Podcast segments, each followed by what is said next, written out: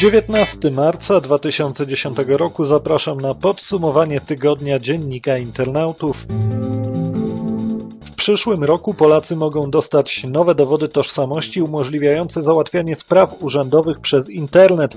Projekt ustawy wprowadzającej takie rozwiązanie został przyjęty przez Radę Ministrów. Wszystkie informacje w warstwie graficznej nowego dowodu mają być zapisane również na elektronicznym nośniku danych w dokumencie. Dodatkowo w tej warstwie elektronicznej mają znaleźć się dane służące do składania podpisu osobistego. Ten podpis będzie służył tylko do kontaktów z urzędami, ale państwo nie zabrania stosowania go w innych sytuacjach, choć również nie będzie brało za to odpowiedzialności. Nowy dowód ma być kluczem do otwarcia rejestrów publicznych, przykładowo pozwoli lekarzowi sprawdzić, czy pacjent ma ubezpieczenie lub konduktorowi, czy ma on zniżkę na przejazd. Więcej na ten temat w dzienniku internautów.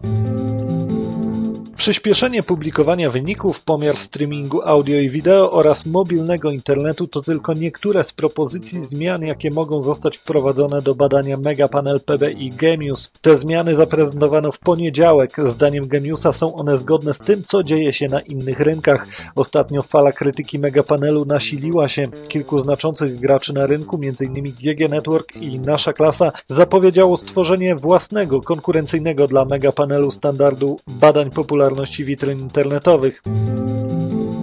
Polacy, którzy nie rejestrują odbiorników i nie płacą abonamentu RTV, muszą liczyć się z tym, że Polska ma prawo nałożyć na nich karę i w razie jej nieopłacania skieruje sprawę do Urzędu Skarbowego. Tak uznał Trybunał Konstytucyjny. Jednocześnie jednak Trybunał uznał, że obywatelom nieuiszczającym abonamentu nie można stawiać zarzutu, iż naruszają zasadę dobra wspólnego. Trybunał zwrócił uwagę na to, że abonament mimo wszystko uiszcza ponad 40% ogółu gospodarstw domowych, a zarazem z tego obowiązku wywiązuje zobowiązuje się mniej niż 5% firm, co również powinno skłaniać ustawodawcę do refleksji.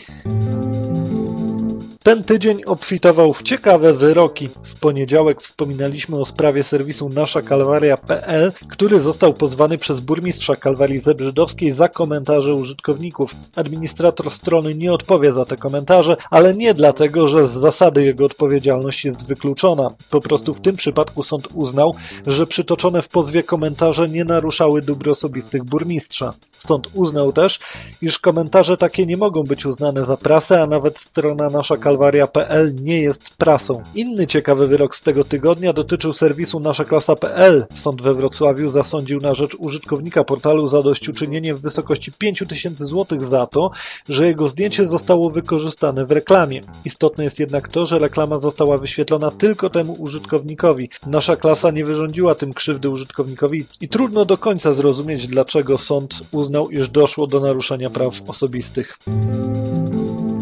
Ciekawy wyrok zapadł także za granicą w sprawie przeciwko operatorowi serwisu będącego wyszukiwarką linków do zawartości dostępnych w sieciach P2P. Hiszpański sąd uznał, że taki serwis nie narusza zasady prawa autorskiego.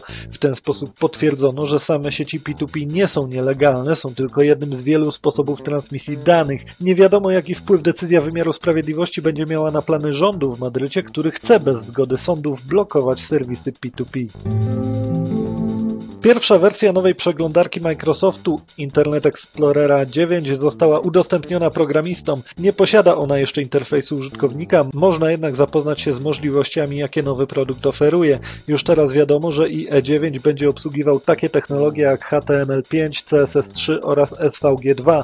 Nowe standardy oznaczają jednak większe wymagania systemowe. Nowy silnik JavaScriptu został zaprojektowany tak, aby wykorzystywać zalety procesorów wielordzeniowych.